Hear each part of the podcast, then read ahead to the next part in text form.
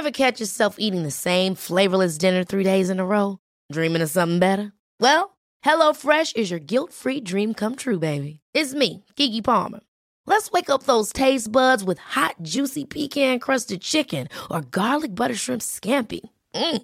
Hello Fresh. Stop dreaming of all the delicious possibilities and dig in at HelloFresh.com. Let's get this dinner party started. One size fits all seems like a good idea for clothes until you try them on. Same goes for healthcare. That's why United Healthcare offers flexible, budget friendly coverage for medical, vision, dental, and more. Learn more at uh1.com.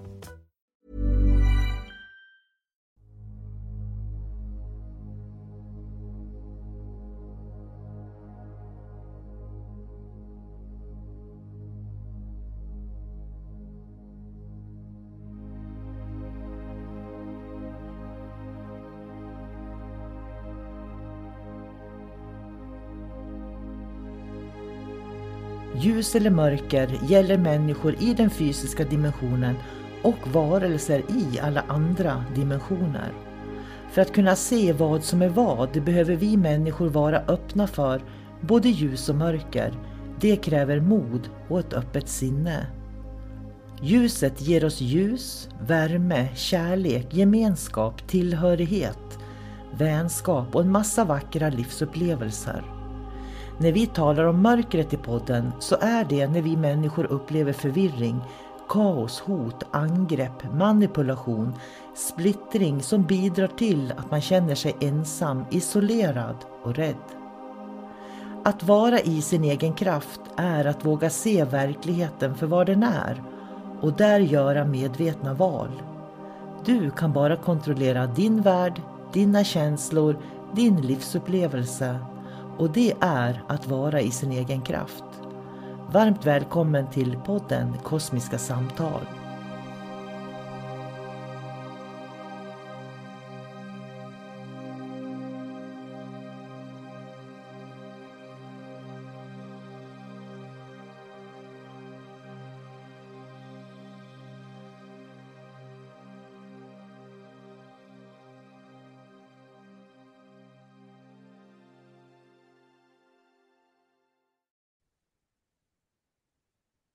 Hej och eh, varmt välkommen till Kosmiska samtal. Jag heter sol karina och jag sitter här med min vän David Gran.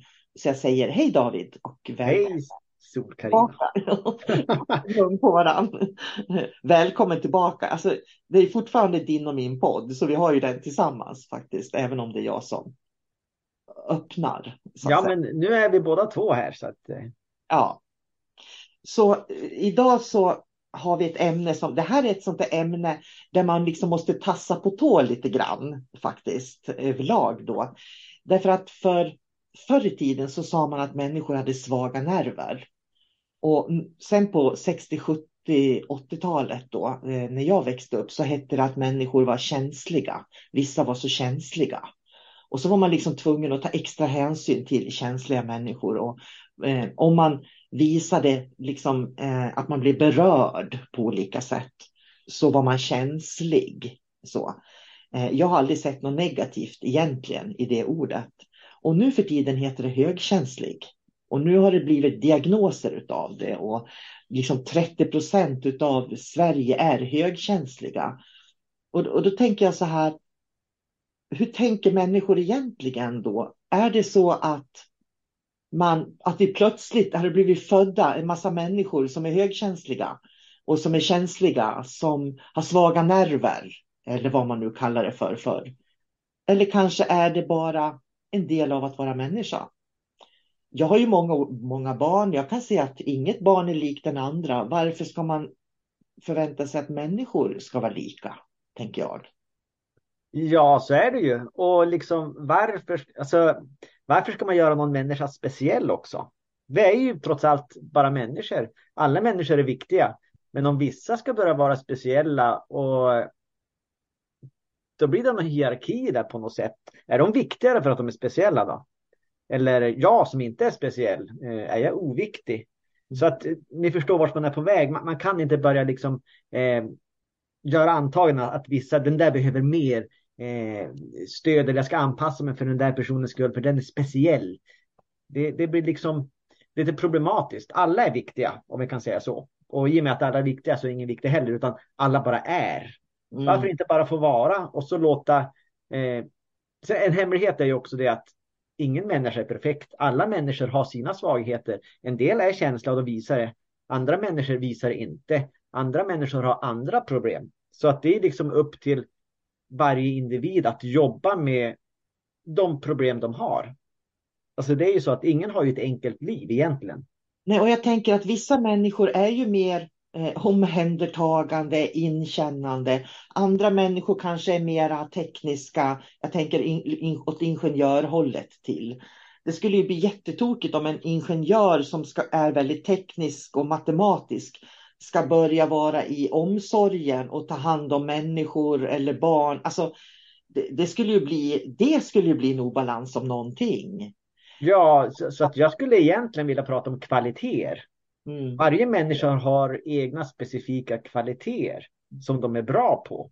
Och det man är mindre bra på, eh, i vissa fall så behöver man arbeta med det, ibland så behöver man inte arbeta med det. Det viktigaste är att, ja men så här fungerar jag, eh, så här vill jag vara, liksom, och liksom hela tiden jobba framåt också och utveckla. Det är det som är viktigt, så man inte stagnerar. Eh, så kvalitet är ett bra ord, för det är inte värdera att det är bra eller dåligt, utan det är en kvalitet som en människa har. Och sen tror jag man måste också lägga in i det hela att vi människor, någonstans så måste man förstå vad självkärlek, självförtroende, vad låg självkännedom innebär, vad låg självkänsla är. Eh, och att man förstår att man har en egen självbild också.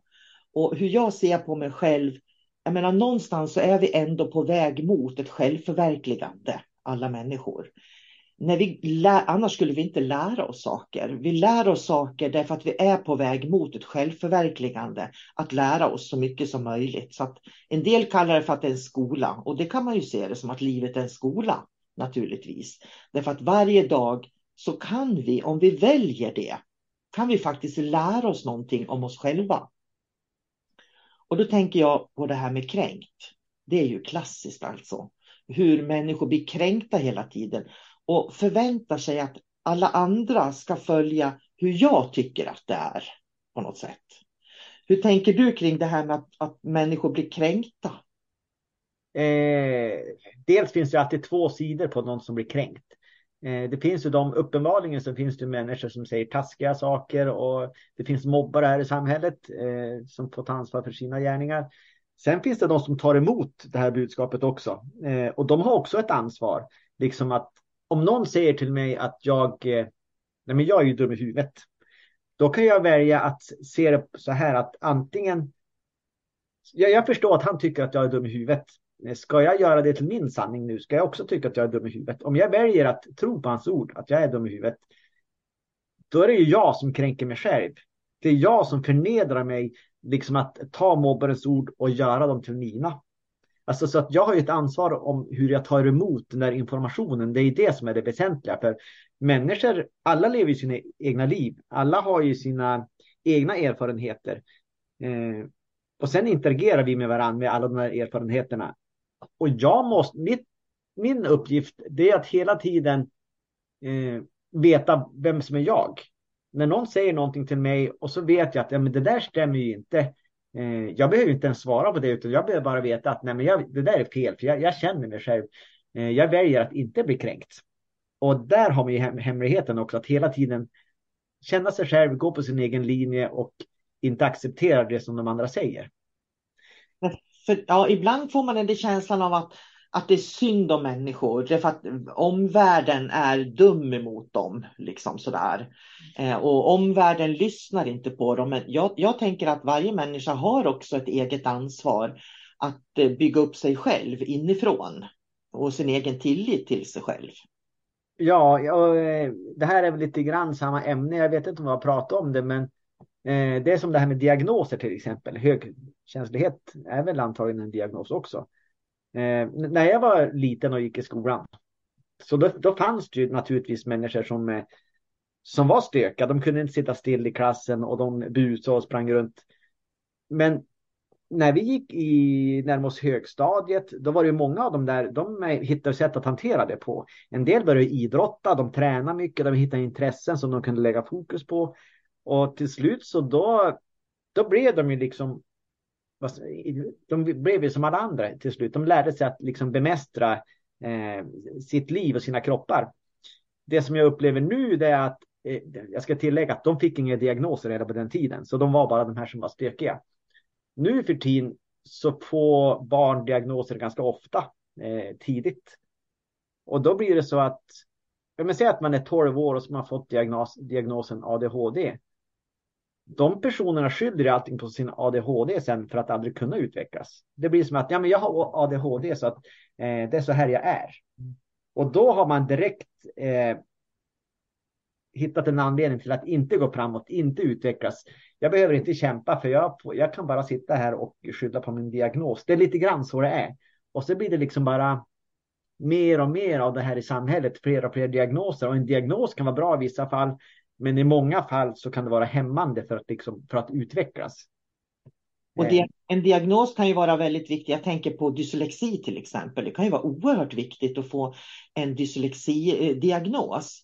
Så, för då kan du få hjälpmedel så att du kan läsa, klara av att studera, klara av att leva i samhället. Så att, det är ju inte så att vi dissar diagnoser på något sätt, men på något vis så ibland så blir människor lätt offer för sina diagnoser. Och jag brukar prata ibland om, om, jag har ju liksom min astma, min kemikalieöverkänslighet, jag tål ingen mat nästan, jag tål inga djur, jag tål inget gräs, jag tål inte så mycket. Jag ska egentligen leva på en fjälltopp, brukar jag säga. Men och jag brukar också tillägga att jag skulle ha blivit förtidspensionär på 70-talet. Men jag har aldrig gjort mig till ett offer. Det är det här som jag tror är hemligheten som många människor behöver anamma för att hitta sig själva. Det är att okej, okay, jag kan inte göra det här, jag kan inte göra det där, jag kan inte göra det där. Eh, vad kan jag göra och vad vill jag göra? Så att jag ändå kan använda min potential till någonting jag klarar av.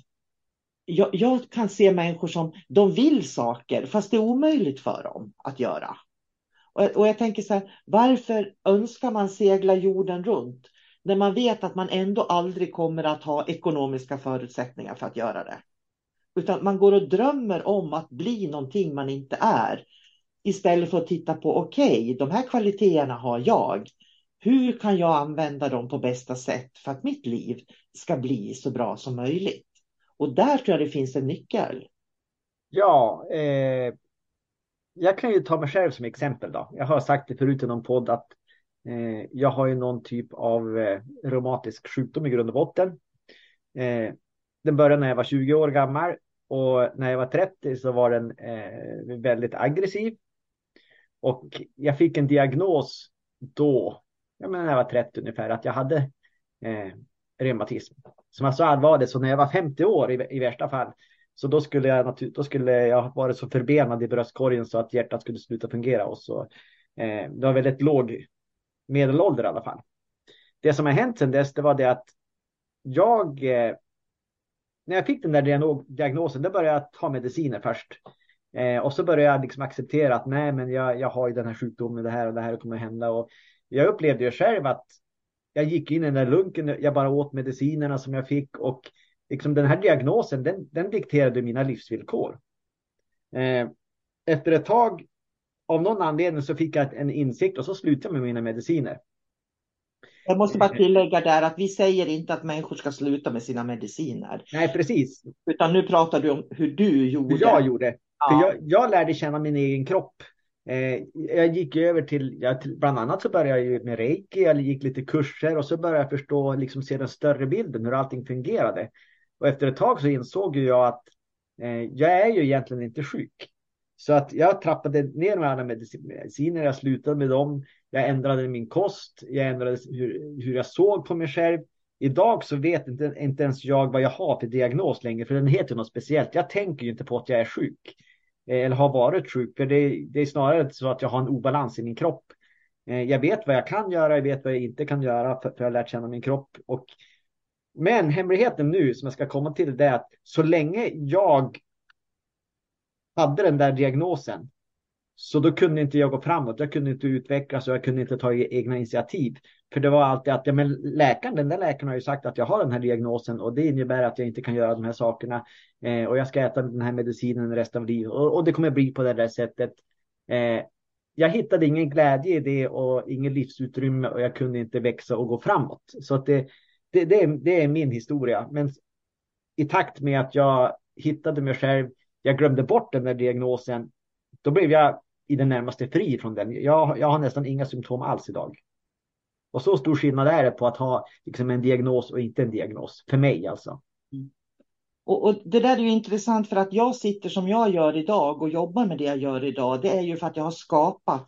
Vad är det jag kan göra? Vad är meningen med mitt liv när jag inte kan vara där ute i samhället därför att jag blir sjuk av vissa saker till exempel. Och det som är intressant är att för mig så har ju medicinerna varit livsviktiga. Så att när jag möter alternativmedicinare och människor i den här alternativa branschen och talar om att jag äter kortison varje dag till exempel.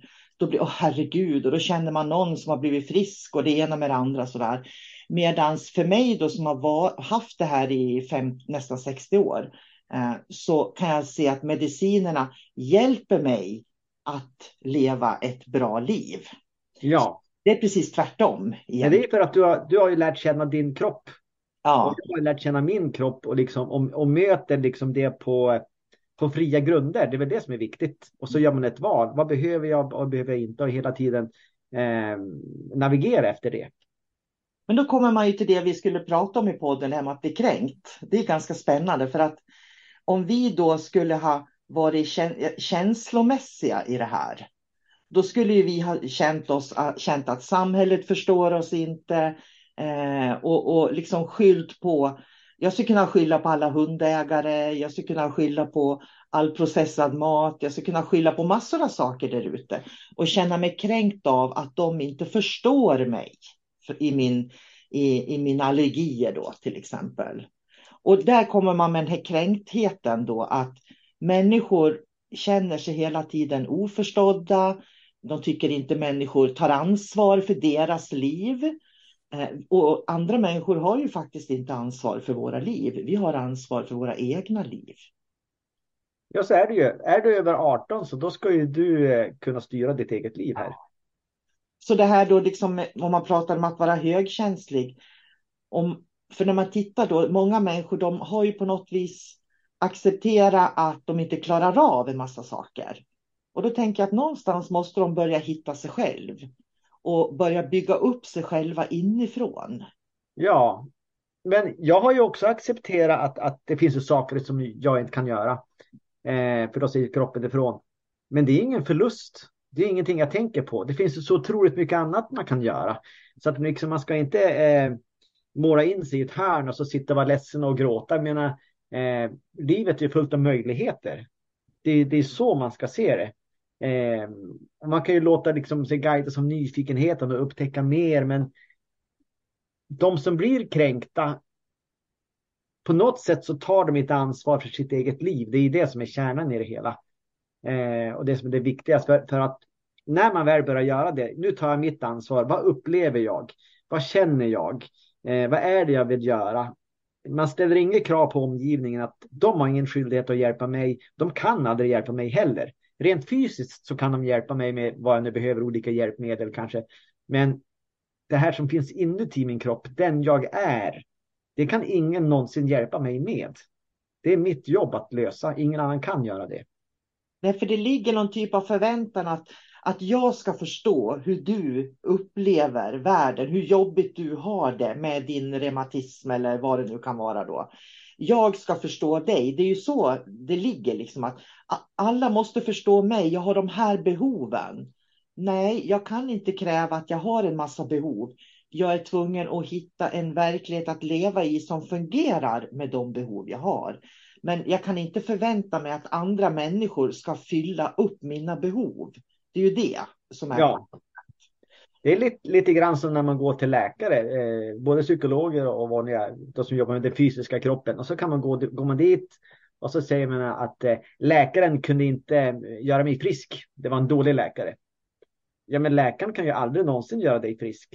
Läkaren kan hjälpa dig så att du hittar metoder för att bli frisk. Och det är en jättestor skillnad. Man kan inte gå och bara lasta över ett, ett ansvar. Jag betalar dig 200 spänn i någon, eh, eh någon eh, avgift och sen ska du göra mig frisk. Det fungerar ju inte så. Nej, men det är väl så samhället har blivit hela tiden att människor tar inte ansvar för sin livsupplevelse. Att ta ansvar för sin egen livsupplevelse, det kräver ju verkligen att du måste möta sidor, känslor, verkligheter som kan vara väldigt, väldigt obekväma. Ja, och, och sen en annan sak är det att man måste våga gå utanför den här eh, fyrkanten också, boxen, eh, om man vill utvecklas. Det är ganska ofta att människor som har liksom samma känslomässiga kvaliteter kan vi säga. Eh, och så ska de gå, eh, då börjar de söka ihop sig i grupper med likasinnade för att de ska sitta och diskutera om sina eh, problem. Ja, men det löser ju ingenting. Då får man ju bara bekräftelse att, att det finns likasinnade och det är inget fel på mig. Det är omvärlden det är fel på. Eh, så jag menar, det blir det är något generalfel av något slag. Istället ska man ju gå till grupperingar som tycker någonting helt annorlunda och så ska man lyssna. Aha, de tycker så och så. Eh, och så tar jag med mig lite grann och så går jag till en annan gruppering som tycker någonting helt annorlunda. För då får du ju liksom hela spektrat. Mm. Så länge du bara går till eh, eh, de som tycker exakt samma sak som dig, då är det bara bekräftelse du kommer att få. Och då, då tar man sig ingenstans här i världen heller.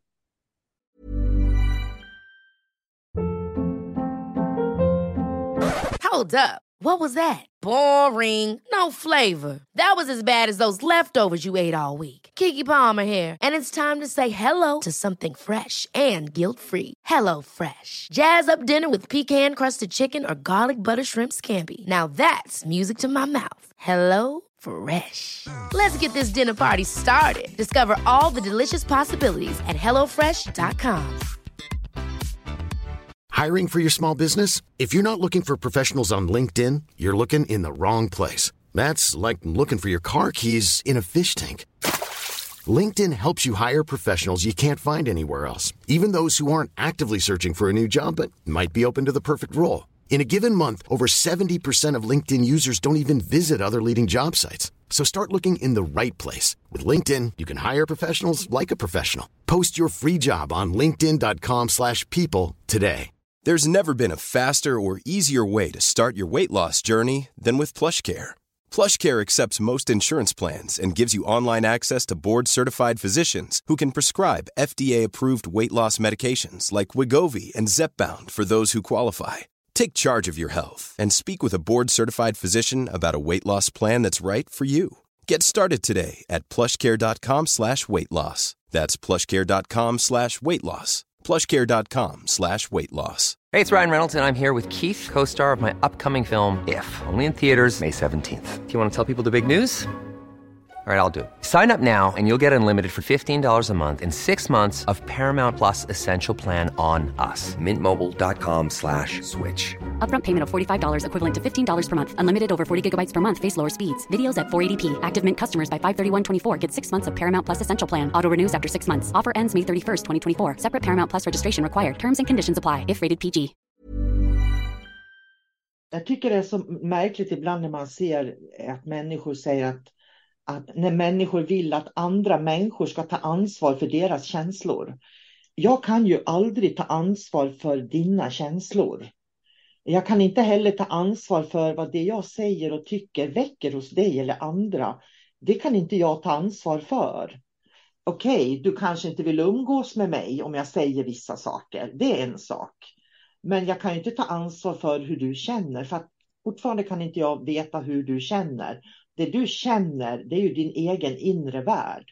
Och det jag tycker är så intressant, för tittar man på Maslows behovstrappa till exempel. Så Maslows behovstrappa handlar om att vi behöver vissa saker i en hierarki för att vi liksom ska kunna utvecklas som människor.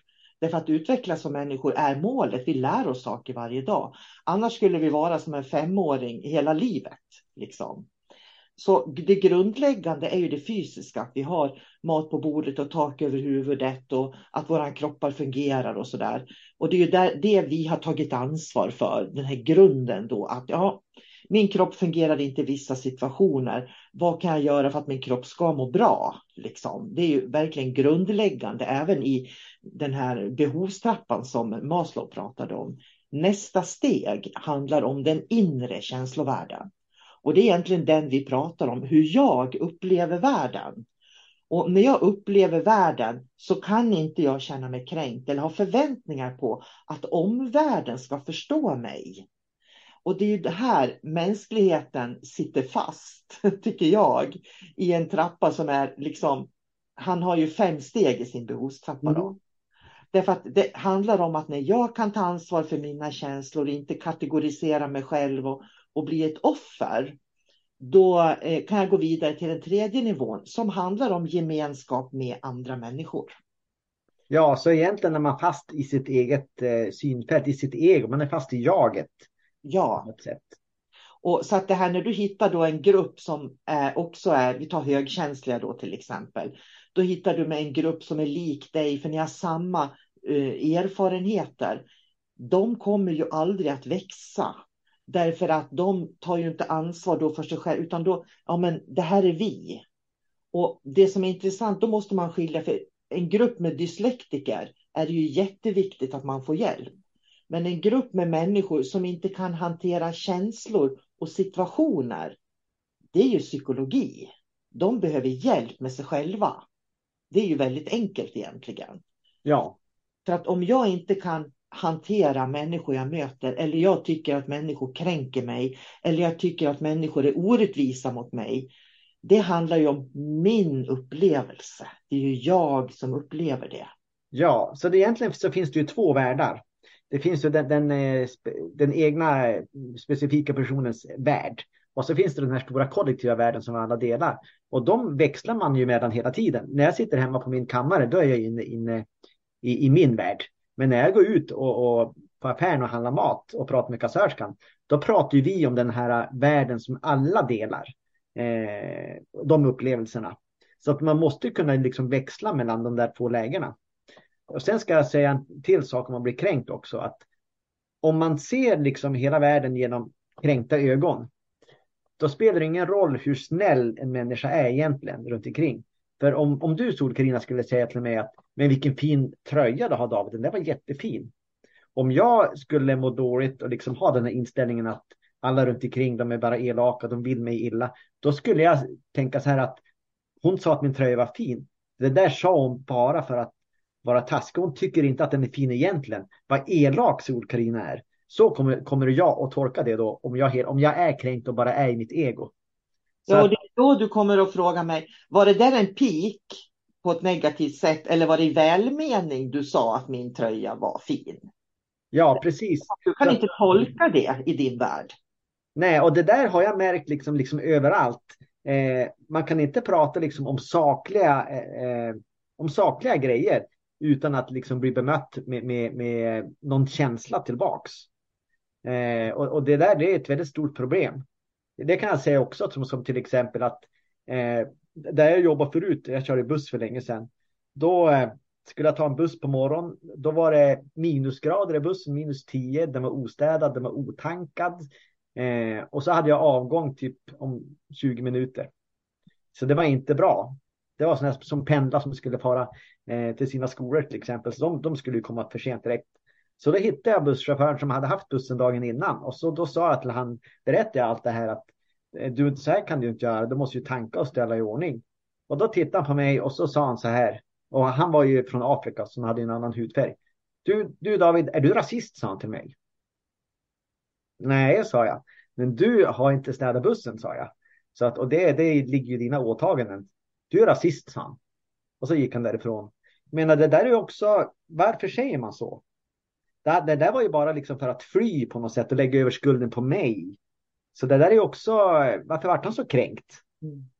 Han kunde inte ta ansvar för vad han hade gjort. Det är det det handlar om. Nej, och ofta när de inte kan det människor i, i alla möjliga situationer, då spottar de ur sig något, något fult tillbaka. Ja. Istället för att kanske säga, som här då, nu, nu har jag en son som är busschaufför också, så jag vet hur viktigt det är att få en, en tankad och städad buss på morgonen. Eh, så att istället för att liksom säga att ja, men jag gjorde faktiskt ett fel. Varför kan man inte be om ursäkt och säga jag ber så hemskt mycket om ursäkt. Det kanske finns en förklaring till det, men jag ber om ursäkt och i framtiden ska jag tänka på det. Jag kan för, liksom försöka förstå. För jag tänker på en arbetsplats så, så finns det ju också regler. Så jag misstänker att den busschauffören följde inte de regler man har på den arbetsplatsen då. Nej, precis. Men han valde, kanske av bekvämlighetsskäl, att bli kränkt. Eller också så vart han kränkt på riktigt. Och så spelade han på det där rasistkortet liksom för att komma undan. Men det är hur som helst, han kommunicerade ju inte på ett ärligt och rakt sätt och han tog det personligt.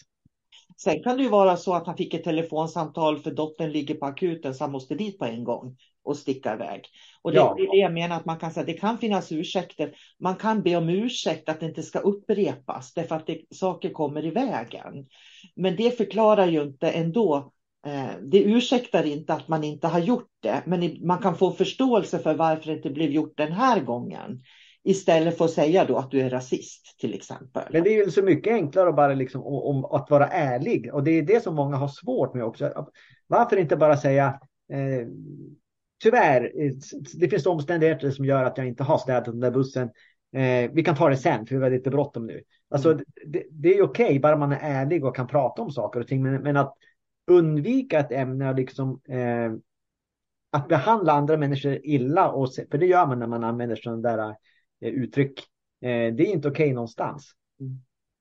Och, och, jag tror att det, det, det, det är därför människor behöver bygga upp sig själva. Och det, man måste göra det själv.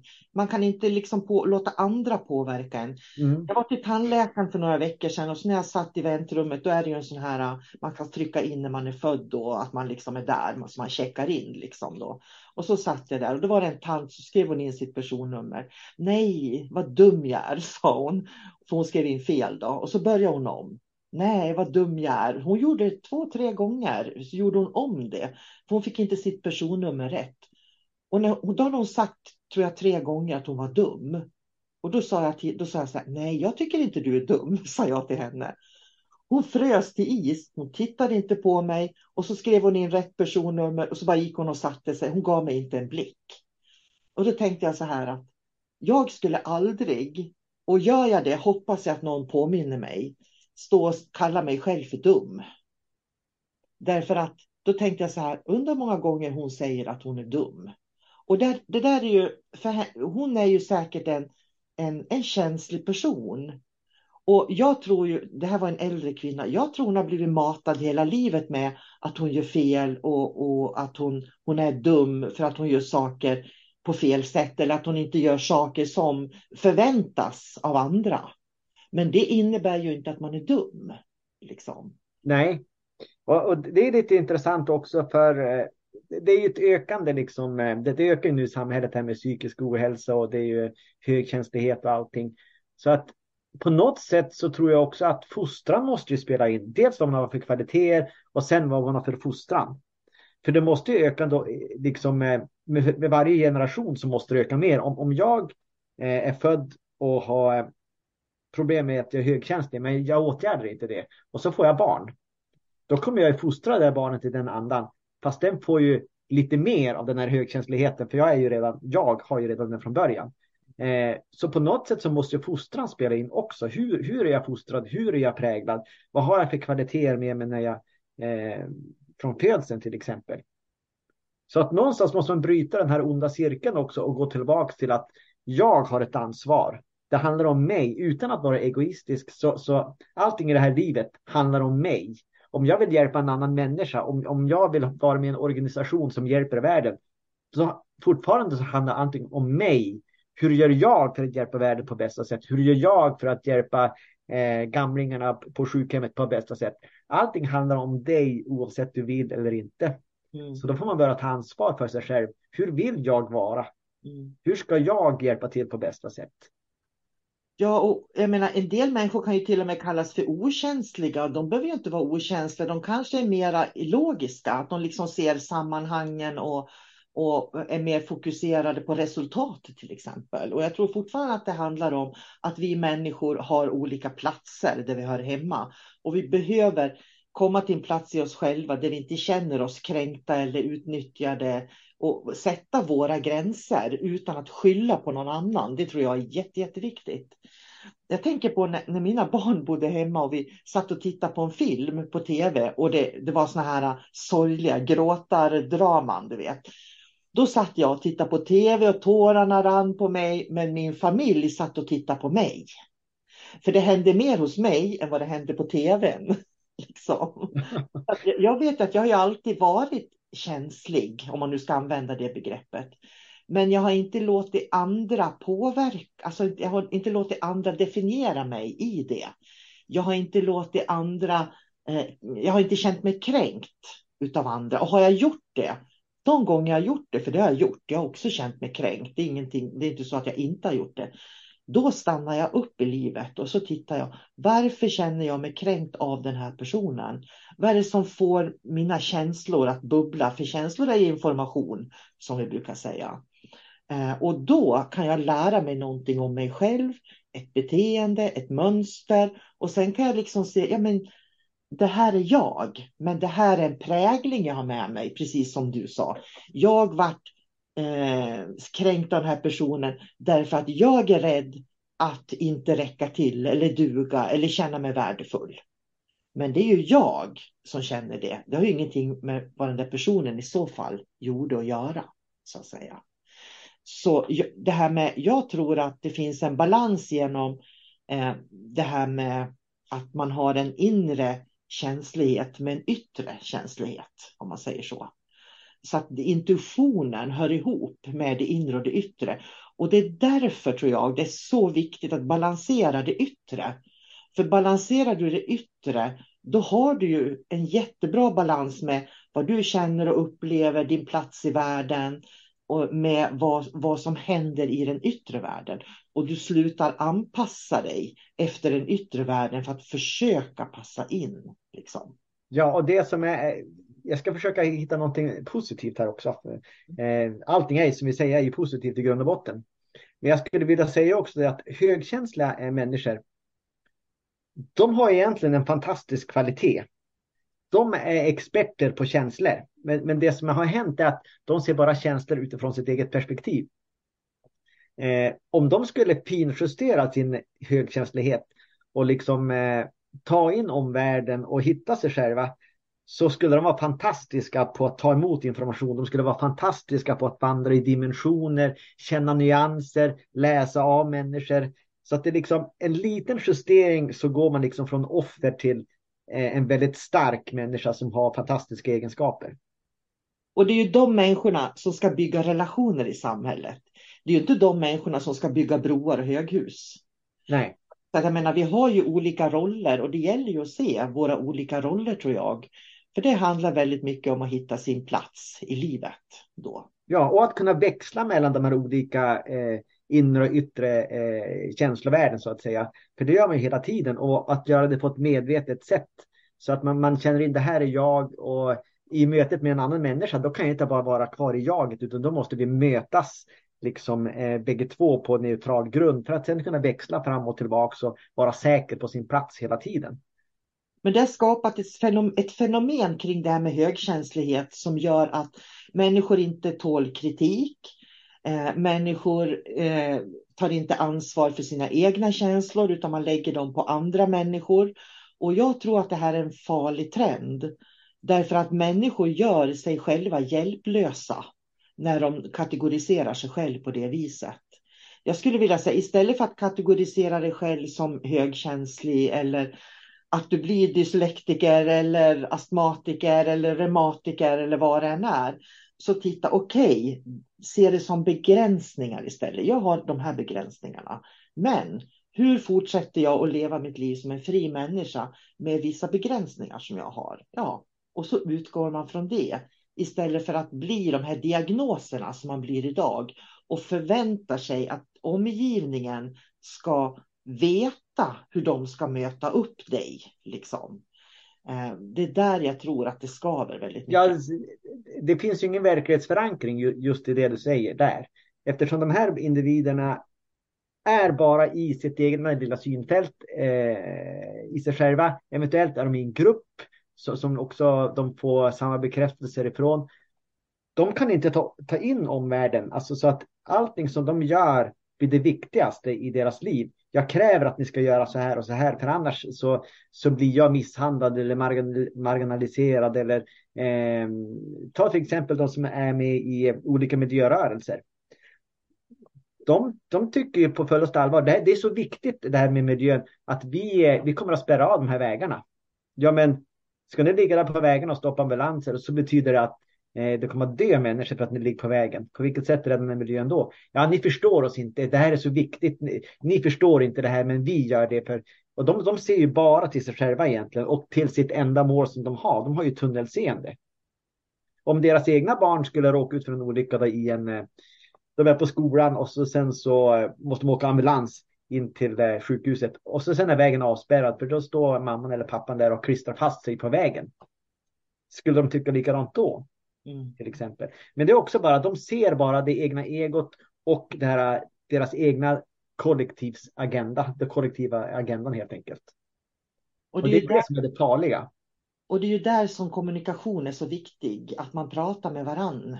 Eh, jag, jag såg ju, jag tänkte på de här, det är ju eh, rädda våtmarkerna tror jag det var. Jag liksom stödjer ju dem fullt ut på alla sätt. Men inte deras sätt att, att prata om det och, och visa det på. Och de intervjuar ju någon, någon av de här då på tv sen på, jag tyckte det var på ja, någon morgonprogram. Ja, för det var ju så här, precis som du sa, men tar ni inte hänsyn till alla bilister då, som ska till jobbet eller om det är en ambulans eller att det är någonting. Nej, men det här är så mycket större. Därför att det här handlar om allas framtid. Så då skiter de i de här som sitter i bilarna och ska till jobbet.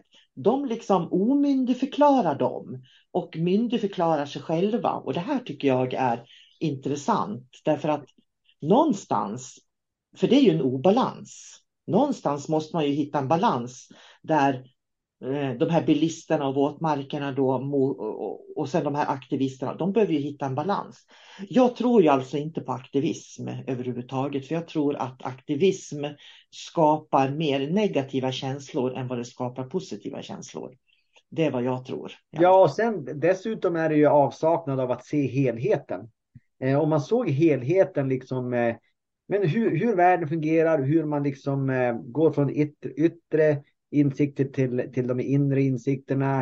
Eh, helt enkelt empati, andra människor. Då beter man sig inte på det där sättet. Så där, det finns andra sätt att uppnå det man vill. Jag tror också det. Det kallas demokrati. Ja, och den ska vi vara väldigt rädda om för den, den är i gungning i Sverige just nu. Med det så ska vi runda av den här podden faktiskt. Så jag tackar er som har lyssnat och ni får naturligtvis jättegärna skicka och mejla kommentarer, åsikter, tankar. Kanske har du lärt dig någonting av podden när vi pratar. Eh, kanske är det så att du skulle vilja veta mer hur vi ser på någonting så är du som lyssnar så välkommen att höra av dig. För jag och David har ingen ambition av att säga vad som är rätt och fel. Det vill jag poängtera, utan vi kan dela med oss av våra egna erfarenheter som vi har, hur vi ser på saker och ting och vi tror på människans egen inneboende kraft faktiskt. Vad säger du om det David som avslutning då? Ja, det lät ju väldigt bra. Alltså, det är det att vi tror ju på människan mm. och vi tror på individen. Eh, och det är därför som vi tar upp det här ämnet också för att vi vill öka medvetenheten mm. hos egentligen alla människor i alla situationer och att alla människor har den här egna styrkan som krävs. Mm. Alla, sen har alla olika förutsättningar, men alla har det här speciella ljuset inom sig som alla kan utveckla. Så då blir mitt slutord den här gången, bli inte ett offer för ditt liv. Livet är större än så. Bli inte ett offer, utan verkligen äg ditt eget liv, skulle jag vilja säga. Tack för idag David. Tack själv Sol-Carina. Och ha det så bra ni som lyssnar och hej då ifrån oss. Hej då.